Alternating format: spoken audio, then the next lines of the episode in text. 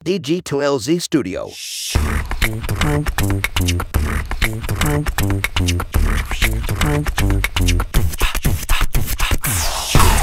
Selamat pagi, siang, sore, atau kapan pun waktu yang kalian pakai untuk mendengarkan podcast ini. Kembali lagi bersama saya Panji di podcast Ngobrol Bisnis versi monolog. dan mensayangkan saham masyarakat. Jadi kita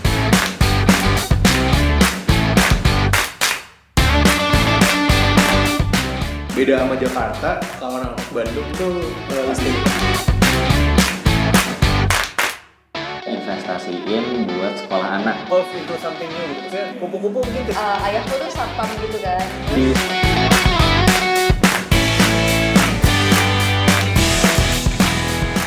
Episode ini akan rilis pada uh, bulan 12, bulan Desember tanggal 31 uh, 2021 ya. Jadi uh, ini adalah untuk uh, episode akhir tahun lah ceritanya atau refleksi atau uh, apa gitu ya kurang lebih minta temanya terkait dengan itu. Walaupun sebenarnya agak lucu juga sih maksudnya ya. Uh, penanggalan kalender dan yang kita pakai adalah penanggalan Masehi kan sebenarnya adalah ya sebenarnya semua jenis penanggalan kan itu adalah cara kita memodelkan eh eh, apa ya istilahnya ya, memodelkan fenomena alam gitu agar berpola gitu. Bahwa ternyata memang eh, berdasarkan ilmu pengetahuan ternyata eh, eh, revolusi bumi itu terjadi dalam satu tahun kayak gitu. Eh, dengan kurun waktu di bumi adalah 365 hari kayak gitu normalnya kalau tahun biasa kayak gitu Eh, untuk memodelkan dan digunakan untuk eh, apa namanya istilahnya ya, waktu-waktu pada zaman dulu kalau untuk terutamanya digunakan untuk menandakan waktu atau musim-musim tertentu gitu. Karena kan eh, efek eh, revolusi itu berpengaruh pada musim gitu. Kapan musim tanam kapan musim eh, salju yang kayak gitu gitulah ya sebenarnya tujuan utamanya kayak gitu. Eh, agak aneh karena sekarang kan memang udah mulai agak chaos juga ya sebenarnya Eh, nggak walaupun masih cukup eh, mungkin eh, errornya eh, masih dalam kurun beberapa minggu atau mungkin udah nyampe satu bulan belum ya terkait dengan musim-musim tersebut gitu Eh, tapi eh, udah mulai agak sedikit error. Jadi sebenarnya eh, permodelan yang kita buat terkait dengan tahun eh, ini agak harusnya mungkin perlu di challenge lagi dan dibikin lebih relevan lagi terhadap zaman agar kita bisa bisa bikin model-model yang lebih bagus. Eh, kalau saya sendiri sebenarnya eh, merayakan ulang tahun ya sekedar eh merayakan melayar- merayakan tahun baru ya sekedar ini aja sih sekedar apa namanya ngikutin tren aja lah ngikutin teman-teman cuman kalau di keluarga memang eh, kebetulan bapak saya itu lahirnya waktu masih hidup ya iya iyalah ya waktu masih hidup lahirnya eh eh sudah mati juga tetap sih lahirnya dia itu tanggal 1 Januari dan eh, ada salah satu sepupu saya itu lahirnya itu 31 Dese- Desember. Jadi kalau dulu sih biasanya kita eh, dan kalau rumah saya ya kalau di Jakarta itu kan kayak orang Betawi gitu. Jadi satu gang itu rata-rata keluarga semua lah ada beberapa eh, rumah di situ yang dimiliki oleh keluarga kami kayak gitu. Jadinya kalau dulu sih eh, suka bikin eh, pesta tahun baru lah dalam rangka ya sekaligus ada ulang tahun sepupu ada ulang tahun eh, bapak saya kayak gitu. Jadinya disekalianin tapi kalau secara spesial eh, kayak misalnya eh, menunggu detik-detik apa ya kayaknya enggak sih enggak terlalu matters juga sih ya buat saya kayak gitu. Paling hanya sebagai Uh, kalau dalam konteks bisnis, ya tentu saja dalam artian kita memotong atau menutup buku lah ibaratnya, menutup buku tahun 2000 uh, tahun sebelumnya menuju membuka lembaran baru atau membuka buku secara keuangan di uh, lembaran uh, di tahun berikutnya kayak gitu. Seperti itu. Tapi kalau secara muatan uh, personalnya atau muatan emosi personal sih sebenarnya nggak terlalu uh, ada ya uh, kalau secara pribadi kayak gitu. Nah, tapi memang tahun ini adalah tahun yang menarik ya. Sebenarnya eh, sama ya, COVID juga masih berlangsung gitu, walaupun sudah mulai menurun dan eh, sudah ramai banget di jalanan. Eh, saya juga beberapa minggu terakhir ini atau beberapa bulan terakhir ini sering berpergian menggunakan pesawat. Itu itu udah penuh sih eh, seatnya ya. Paling hanya beberapa saja yang kosong. Jadinya kayaknya udah mulai normal. Eh, entah Eh, ya mudah-mudahan normal beneran normal ya. Eh, dan juga Indonesia secara umum jauh lebih bagus dibanding negara-negara yang lain kayak gitu kalau saya lihat ya. Share performanya entah itu karena trigger ya mudah-mudahan aja eh, bener gitu ya karena triggernya beneran trigger eh, parameter kesehatan bukan gara-gara ada mm, mm, lom eh, apa ada Grand Prix atau ada badminton kemarin atau ada sepak bola.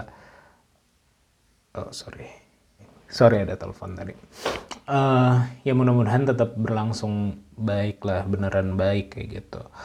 Eh tapi kalau secara kalau diminta refleksi sebenarnya tahun ini kalau saya pribadi banyak memulai sesuatu yang baru gitu. Eh, ada yang sudah mulai terbentuk bahkan formnya kayak gitu kayak digitalize kan kita mulai seriusin DGTLZ ya kita mulai seriusin. Altek juga sudah mulai running gitu dan ada beberapa eh, inisiatif di bidang pendidikannya yang saya lakukan juga sama istri saya.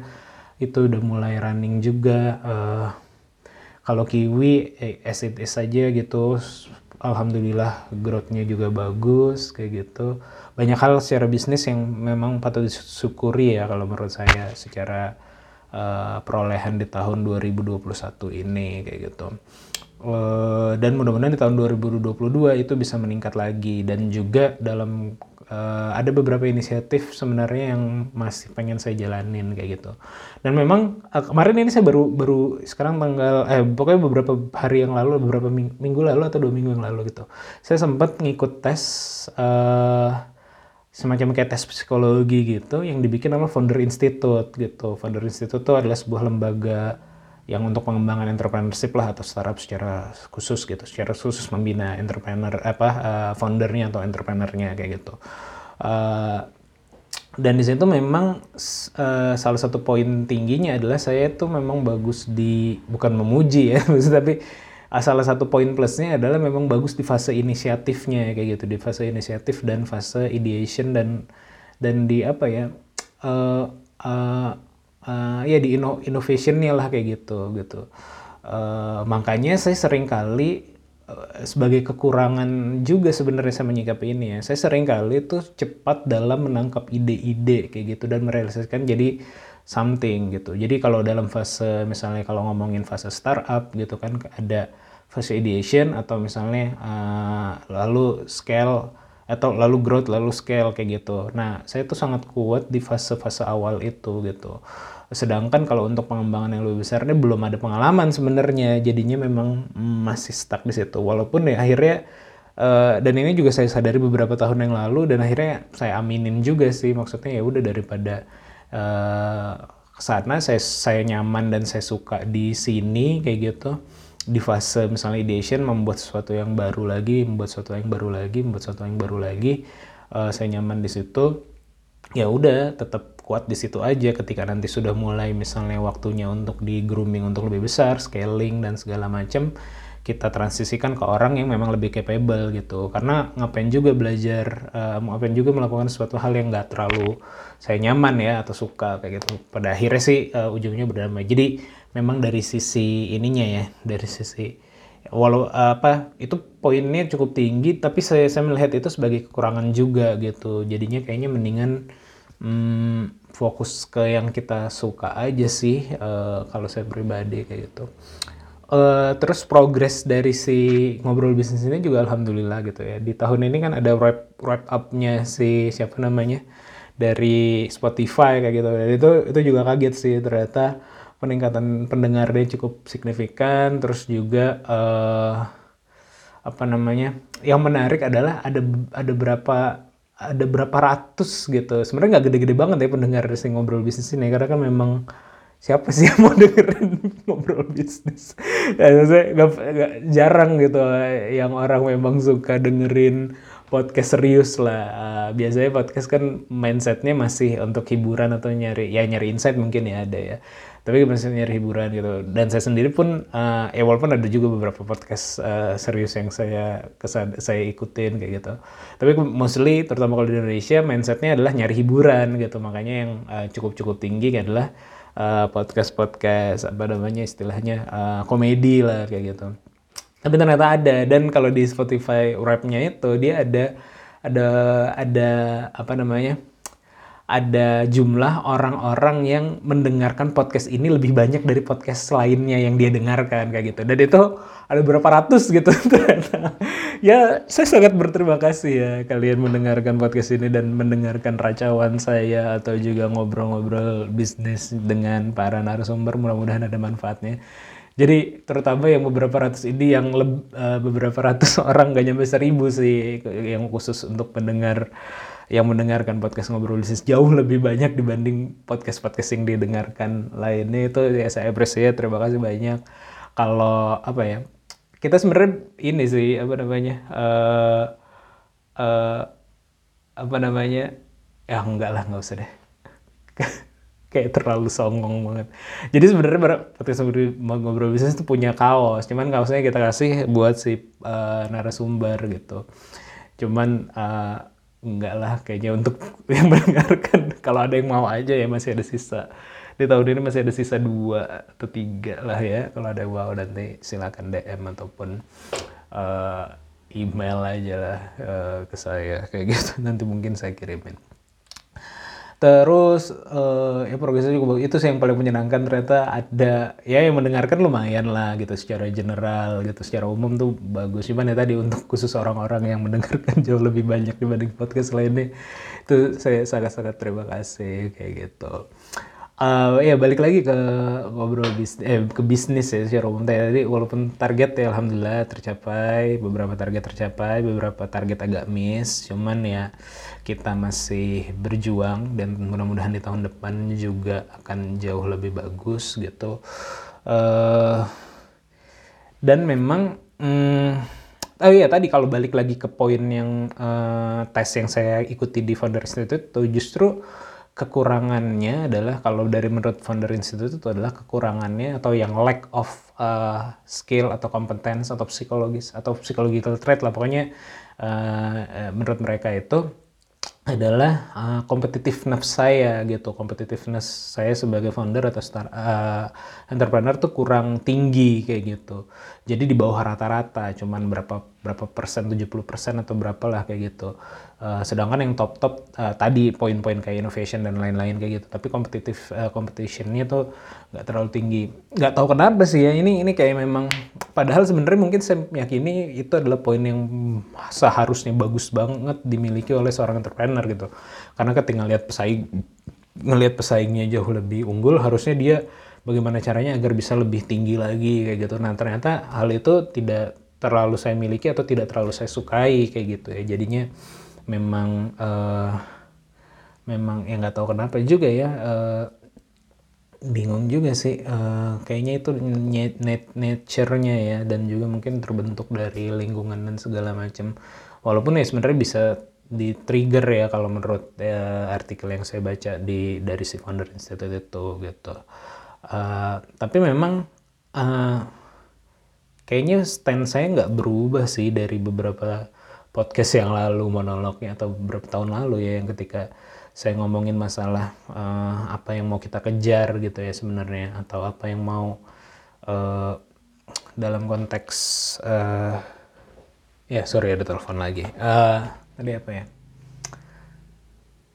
iya stand saya nggak berubah gitu jadi kalau saya lebih prefer bukan lebih prefer ya uh, walaupun ada idiom ya ada idiom tuh uh, apa ya namanya tuh money talks ya, wealth itu silent kayak gitu. Dan ini fakta banget ya dalam beberapa konteks saya ketemu uh, bahkan ya tadi uh, dalam perjalanan beberapa minggu terakhir ini saya kan beberapa kali ke Kalimantan gitu dan salah satunya tuh ke Kalimantan Selatan ke Banjarmasin gitu. Dan di sana tuh ada ada dua haji yang paling kaya lah di sana gitu.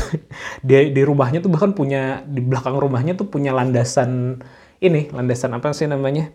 landasan pesawat gitu ya itu saking kaya aja kayak gitu dan itu low profile aja sih maksudnya tidak terlalu apa ya uh, ya benar idiom tersebut ya money talks dan juga uh, wealth itu silence kayak gitu uh, saya juga pernah nonton ada ada video ya ada video di YouTube yang menceritakan ya konteks itu juga money talks and wealth silence itu uh, yaitu orang-orang super atau ultra bahkan ya dia nyebutnya kalau nggak salah videonya tuh ultra rich in German kayak gitu ya. Jadi orang-orang yang ultra kaya di Jerman kayak gitu. Dan mayoritas yang hmm, apa ya yang berhasil di interview di situ gitu itu adalah orang-orang yang silent gitu. Maksudnya mereka tidak tidak show off tidak apa ya bahkan cenderung uh, uh, tidak masuk ke ruang publik kayak gitu jadi uh, relatif hanya uh, sangat berbeda dengan yang Amerika kayak gitu. Jadi memang ada perbedaan culture juga gitu.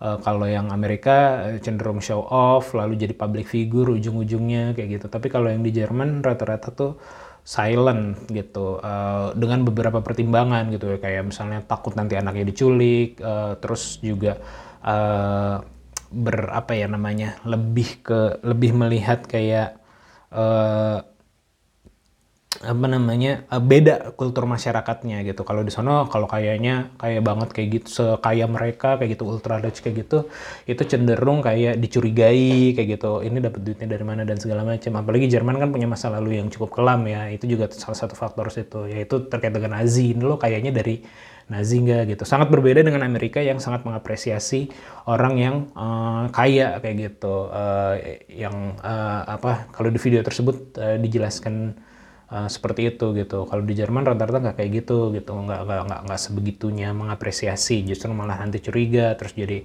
ada segala macam. Jadi rata-rata uh, menyembunyikan gitu, nggak atau nggak terlalu bergaul gitu. Dan saya lihat juga uh, 2000 berapa ya? 2014 itu saya sempat dulu ketika lagi itu baru-baru lulus lah, mungkin dua tahunan baru lulus ya. Saya lulus 2011, 2012 ya 2-3 tahun baru lulus, saya sempat ke Jerman dan bukan terketemu orang so ultra rich-nya ya, tapi saya ketemu salah satu mungkin ultra rich di, dari Indonesia yang ponakannya. Jadi waktu itu adalah saya ke Jerman itu adalah konteksnya adalah uh, ada acara namanya Global Media Forum. Waktu itu saya punya bisnis namanya Majalah Inovasi dan kita juga diundang ke sana kayak gitu uh, sebagai pencapaian tertinggi ya waktu itu uh, dari kita startup yang baru-baru mulai lah pada waktu itu namanya Majalah Inovasi. Di sana kita ketemu adalah salah satu media Indonesia gitu yang sangat besar yaitu MNC sebut saja ya pokoknya terahnya MNC lah gitu. Dan uh, di situ rata-rata para profesionalnya gitu. Cuman ada satu yang memang lagi uh, uh, ada satu klannya owner dari MNC tersebut, grupnya lah ya gitu. Kebetulan lagi sekolah di Jerman, baru lulus dan masih di Jerman atau di uh, Belanda atau di Inggris lah kayak gitu. Saya, saya lupa pokoknya nggak nggak pokoknya di Eropa Eropa juga kayak gitu. Jadi dia juga datang gitu, ditemenin dengan profesional-profesional yang bekerja di MNC tersebut. Dan akhirnya kan dia baru lulus, jadi usianya baru 23 atau 24 lah. Jadi bedanya sangat sangat dikit dengan saya gitu, baru setahun atau dua tahun kayak gitu dan ngobrol-ngobrol juga ya itu adalah uh, apa namanya ya uh, udah desain designated banget sih menurut saya ya tracknya dia nanti. Ini setelah lulus setelah pasca lulus uh, kerja di mana bahkan sudah udah mulai digawang-gawangi atau di uh, aruh-aruhin dengan oh lo coba join nih ada Global Media Forum siapa tahu nanti lo akan take over uh, ya dengan bahasa dengan tidak bahasa tersirat ya lo akan mungkin akan handle masalah bisnis media kita juga dalam keluarganya dalam, dalam diskusi kami uh, saya dengan dia uh, juga seperti uh, kurang lebih dalam konteks berbicara seperti itu. Tentu saja itu privilege gitu tentu saja itu privilege dan juga uh, eh tapi udah sangat sangat sangat sangat uh, predicted lah gitu dan bagus juga gitu rata-rata orang-orang yang punya privilege dari keluarga kaya apalagi super kaya atau ultra kaya tadi gitu ya pasti uh, relatively ya akan begitu gitu. Tidak tidak tidak apa ya tidak sangat kecil kemungkinan tiba-tiba jatuh miskin gitu. Nggak nggak nggak memungkinkan hampir tidak mungkin kan banget gitu ya dalam kultur dalam uh, era yang sekarang ini kayaknya nggak memungkinkan banget gitu. Berbeda dengan kalau orang-orang yang mungkin makanya kan ada idiom lain juga ya yang kayak lo kalau lahir miskin salahin orang tua lo, kalau lo meninggal miskin salahin diri lo sendiri makanya justru justru banyak yang mencoba eh, keluar atau bangkit dari dari levelnya dari bawah naik ke atas kayak gitu Eh, yang saya lihat gitu. Dan dalam konteks tadi ya, kalau dalam konteks money talks uh, and uh, wealth uh, silent ya, itu juga saya lihat di si anak itu gitu ya si dari uh, uh, si nanti saya blip nggak ya ini karena mer, mer nyebut nyebut terah tertentu. Uh, saya lihat juga seperti itu gitu humble uh, dan relatively uh, biasa-biasa aja tidak. Justru kan kalau yang kayak OKB ya orang kayak baru tuh kayak beber gitu apa royal terus juga heboh dan segala macam. Tapi relatively uh, uh, silent sih. Uh, ini adalah yang menarik ya sebenarnya yang menarik untuk diinin. Uh, nah kalau tadi kenapa jadi jadi nyambungnya ke situ ya kalau dalam konteks saya tadi, saya juga eh, sebenarnya saya stand saya tidak berubah itu kan tadi berangkat dari sini. Stand saya tidak berubah dari beberapa tahun yang lalu.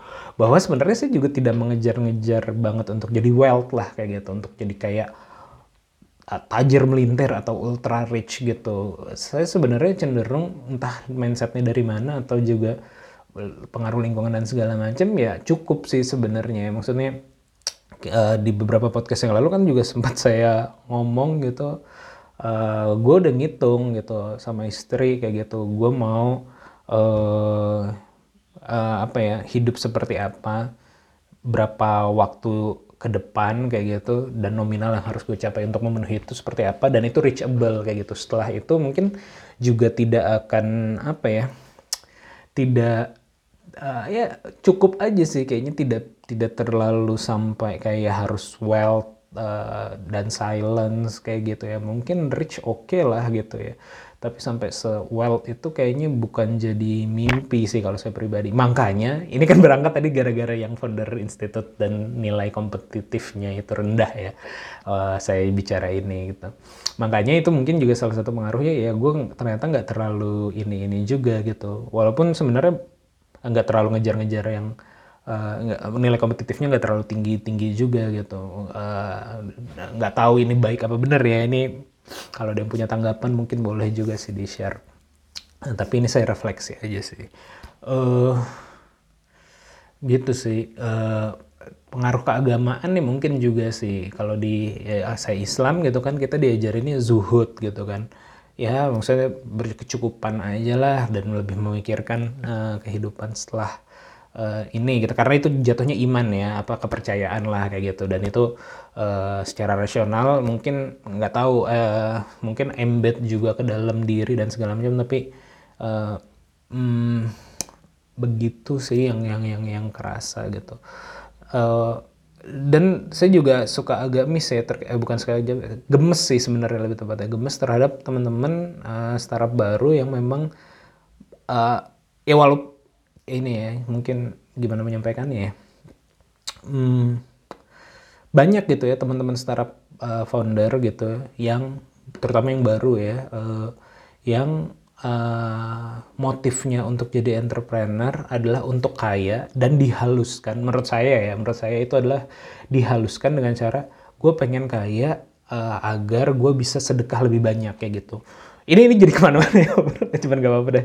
Kita habis habisin lima menit lagi lah maksimal. Eh, banyak banyak yang ber, ber, ber, ber- eh, apa ya beralasan seperti itu. Gue pengen gue pengen berbisnis gue pengen kaya agar gue bisa sedekah lebih banyak gitu. Eh, menurut saya sebenarnya eh, nilai sedekah atau eh, ya saya nggak ini juga ya itu bisa jadi motivasi yang bagus untuk berbisnis dan juga motivasi yang bagus eh, buat dia untuk eh, buat mereka untuk bisa bersedekah dan mungkin tadi ya dalam konteks eh, saya berangkat ke situ kan gara-gara ngomongin eh, kepercayaan untuk dan segala macam kayak gitu. Ya nggak masalah juga gitu. Tapi menurut saya kalau dalam konteks keagamaan mungkin yang akan jauh lebih dihargai adalah yang bisa mengeluarkan dalam keterbatasan kan justru gitu. Makanya kan ada ada cerita ini ada dua cerita ada satu cerita sih cuman cuman berkelanjutan ya Eh, ada dua sahabat ya ada dua sahabat yang memang eh, yang kita sering dengar dua sahabat Nabi maksudnya ya, yang kita sering dengar ceritanya tapi hanya sepotong sebenarnya, yaitu antara Umar dan Abu Bakar gitu. Uh, pada suatu ketika kan uh, si Umar mensedekahkan setengah hartanya kayak gitu ya, setengah hartanya, uh, lalu uh, uh, apa namanya? Uh, ya diterima kayak gitulah. Lalu berikutnya datang si Abu Bakar di mana dia mensedekahkan mensedekahkan seluruh hartanya kayak gitu. Dan yang kita ingat kan sampai situ gitu lah ceritanya. Yang kita uh, mayoritas dengar adalah ceritanya sampai situ. Di mana uh, yang lebih mulia bukan yang lebih mulia ya, yang kelihatannya lebih ini gitu ya. Uh, yang dipandang lebih tinggi uh, adalah si Abu Bakar karena bisa mensedekahkan seluruh hartanya. Uh, tapi sebenarnya yang jarang diketahui gitu ya atau ya mungkin sekarang udah banyak juga yang mengetahui gitu bahwa sebenarnya nilai sedekahnya si Umar itu jauh lebih besar daripada total sedekahnya si Abu Bakar kayak gitu. Jadi ibaratnya setengahnya sedekahnya si Umar aja cuman apa ya setengah uh, se misalnya ini ya angkanya kita kira-kira ya, setengah sedekah hartanya Umar adalah 10 miliar total sedekahnya uh, Abu Bakar ya pada waktu itu ya ketika dia mensedekahkan seluruh hartanya itu mungkin nggak nyampe 100 juta kayak gitu. Jadinya sangat sangat timpang. Tapi dari cerita tersebut yang kita peroleh adalah bagaimana sih Abu Bakar itu begitu ikhlas dan juga begitu tawakal gitu. Kan salah satu dialognya adalah ya aku uh, kamu meninggalkan apa untuk istrimu kalau nyedekahin seluruh harta kayak gitu? Ya aku punya uh, Allah dan Rasulnya kan kayak gitu. Jadi salah satu salah satu ininya gitu salah satu hikmah yang kita pelajari. Uh, walaupun secara nilai lebih besar gitu makanya agak agak miss juga gitu bahwa uh, bahwa kalau teman-teman yang baru memulai tujuannya untuk berbisnis lalu uh, agar uh, bisa bersedekah dengan lebih banyak padahal sebenarnya yang di value bukan nilai jumlah sedekahnya tapi yang di value adalah lo bersedekah dalam keterbatasan lo ikhlas lo bisa tawakal. Kayak gitu sebenarnya sih dalam dalam konteks ini. Uh, ini jadi bahasa kamu ya teman. Cuman uh, cuman uh, apa namanya ya? Uh, berangkatnya ya kayak gitulah. Mungkin itu aja ya uh, racawan saya dari ini. Uh, selamat tahun baru uh, dua apa uh, 2022 ya uh, semoga lebih baik segalanya bisnis personal pribadi keluarga sehat-sehat semua selalu buat yang dengerin podcast ini terima kasih uh, spesialnya buat yang berapa ratus orang yang uh, lebih banyak mendengarkan podcast ini dibanding podcast saya. Terima kasih banget. Uh, sampai ketemu di podcast ngobrol bisnis episode berikutnya. Bye.